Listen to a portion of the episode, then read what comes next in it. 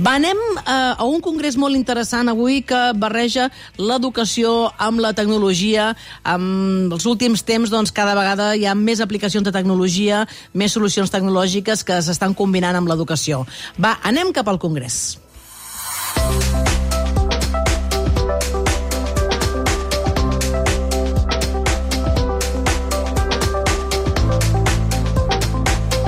De, de fet, fa dies que en parlem, estem per com el xat GPT pot influir negativament en molts sectors, entre ells l'educació.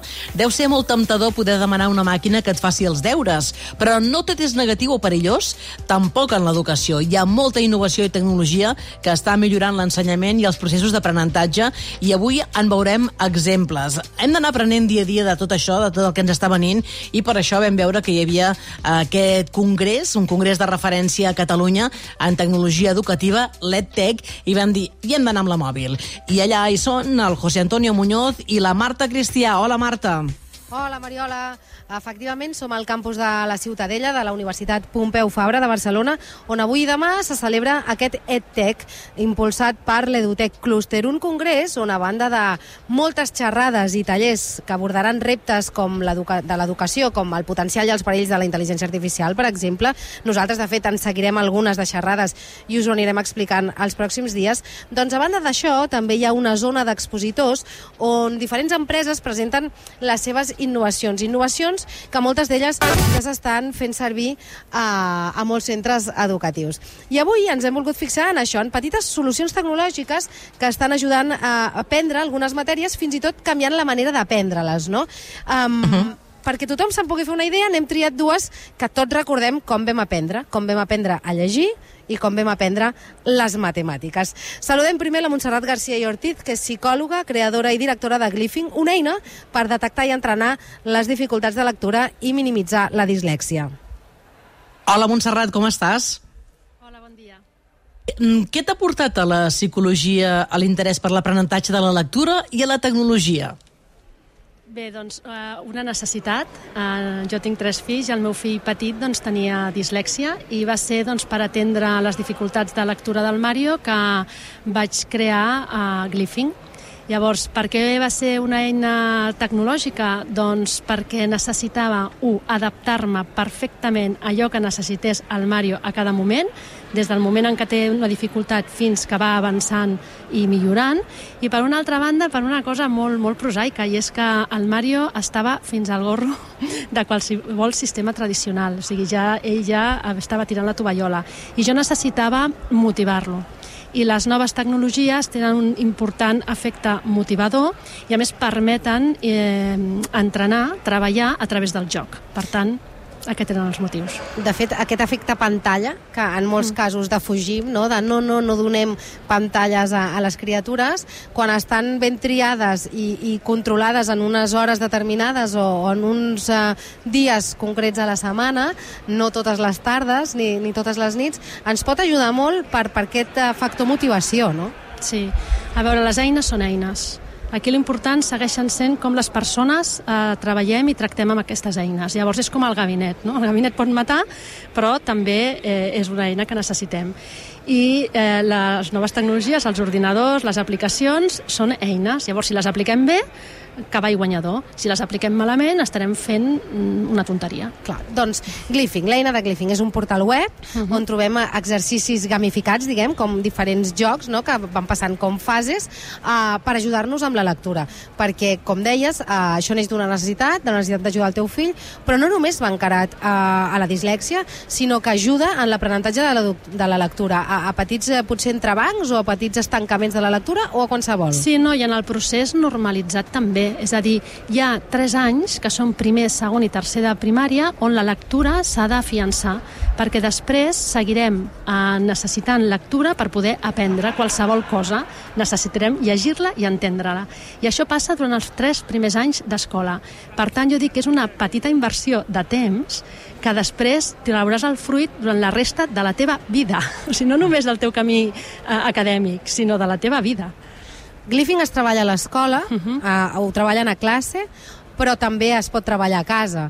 I sempre hi ha d'haver com un entrenador, oi? Que, que sí, ajudi, un sí. acompanyant. Mira, aquest entrenador no cal que sigui sempre un adult, pot ser un company. De fet, moltes escoles tenen com el padrí lector o la padrina lectora. el padrí lector o la parella lectora, que pot ser una persona de la teva mateixa edat doncs que, que et fa d'entrenador i ara tu m'entrenes a mi o t'entreno a tu. El que és important és que cadascú ho té personalitzat perquè cadascú està en el punt que està i per tant l'hem d'anar a buscar allà on s'ha quedat i així no se'ns despenja ningú. I també el que és important és que hi ha aprenentatges que necessites entrenar-los. Això vol dir, necessitem treballar una mica cada dia. I si no, no els aconseguirem eh, afiançar. Glyphing, per tant, ofereix uns exercicis diferents segons com has fet l'exercici interior? Exacte. Es va adaptant a cada criatura. Sí. I ara passem als números. Uh, també és amb nosaltres uh, el Jordi del Cor, que és responsable d'aprenentatge d'Innovamat, que Innovamat és una eina que um, vol una mica dinamitar la manera d'ensenyar les matemàtiques. Que la No passem de la lectura a les matemàtiques, no? Hola, Jordi, com estàs? Hola, bon dia, Mariola. Bé, també us adreceu als primers anys d'aprenentatge com Glyphing o abarqueu més cursos? De fet, nosaltres ara mateix abarquem des de P3, infantil 3 anys, fins al que seria segon d'ESO. Uh, al setembre també tindrem tercer d'ESO i el, el següent curs, si tot va bé, quart d'ESO. Per tant, abarquem tot el que seria l'escolarització obligatòria. En el vostre cas, eh, a diferència de Glyphing, que Glyphing hem dit que era una plataforma web i que es treballa a l'escola i a casa, vosaltres també oferiu eh, plataforma web o aplicació, però no només. Hi ha recursos també, eh, material tocable, diguem. Correcte. Eh, És a dir, si us ho hagués de definir eh, ràpid, us podríem dir que a Innovamat el que fem és desenvolupar recursos que el que han d'ajudar és a escoles, docents i a l'alumnat a canviar la manera com s'aprenen les mates. I això, evidentment, passa per canviar aquest enfoc i entendre les mates no com quelcom que es memoritzava i es mecanitzava, sinó una cosa en la que intentem partir de la manipulació, de l'experimentació de l'alumnat i, evidentment, aquí intentar comprendre allò que potser moltes vegades abans no era comprensible, però a més a més afegint-hi una capa de, de riquesa a nivell d'habilitats que desenvolupem, que sobretot són que els nens i nenes eh, aprenguin sobretot a pensar, a connectar idees, a trobar patrons. A veure, perquè els oients ens puguin entendre. Mira, per exemple, un exercici de Glyphing seria un, un noi que porta... D'Innovamat, vols dir? No, de Glyphing, perquè entengueu Ah, la, la, dir dels la dos. diferència de, dels dos, diguem.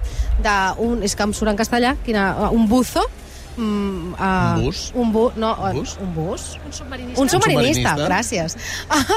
M'he quedat ara jo penjada a- amb la llengua. Un submarinista que està sota el mar i té uh, com una, una, una punxa que ha de petar bombolles, però només pot petar la bombolla si llegeix la síl·laba que hi ha dins. Llavors els nens Ah. van fent la, peten, l'u, peten. I llavors, clar, a, a, aconsegueixen molt deixar de fer l'u a fer l'u, no? Com seria un exercici d'aquest nivell d'Innovamat? És a dir, crec, aquí crec que és important entendre que aquests recursos no sempre van només per l'alumnat, sinó que n'hi ha molts que van pel docent. És a dir, nosaltres d'alguna manera farcim l'aula d'activitats riques i acompanyem els docents a gestionar-les, perquè la gràcia en mates no només està en tenir una bona activitat, sinó en poder-la gestionar. Però si voleu un exemple del que seria el, el, un, un, un exemple que el fem que sigui molt de peu per tothom, les mates normalment les hem relacionat amb nombres, si jo et demano, Marta, com sumaries 24 més 27, doncs seria interessant veure com ho fas, no? I, però el que és interessant és entendre com ho has pensat i veure que la Marta potser ho pensa diferent que la Montse i que algú fa doncs 24 més 27 són 24 més 20, 44 més 6, 50 més 1, 51, no? I algú altre diu, això és més o menys 25 més 25 i a partir d'aquí eh, trobo que el mateix resultat, no? Llavors la gràcia està en fomentar l'ús d'estratègies diverses i sobretot en aconseguir que l'alumnat pensi en eficientar aquestes estratègies. A partir d'aquí, lo interessant de tot això és, és trencar una mica amb aquest monstre de les mates, perquè vosaltres dues em dèieu que les veu patir.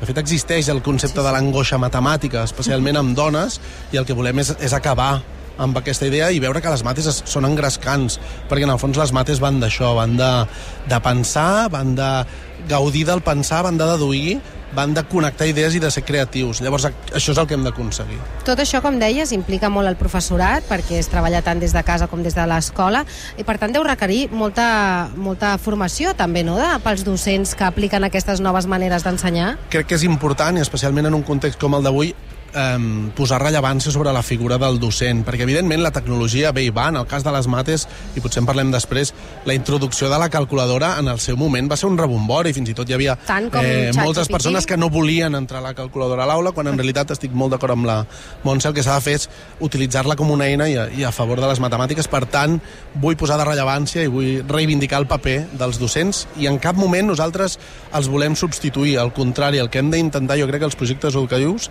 és donar-los eines eh, per poder millorar els aprenentatges de l'alumne. Doncs eh, deixarem aquí això amb dos exemples avui, aprendre matemàtiques i aprendre a llegir.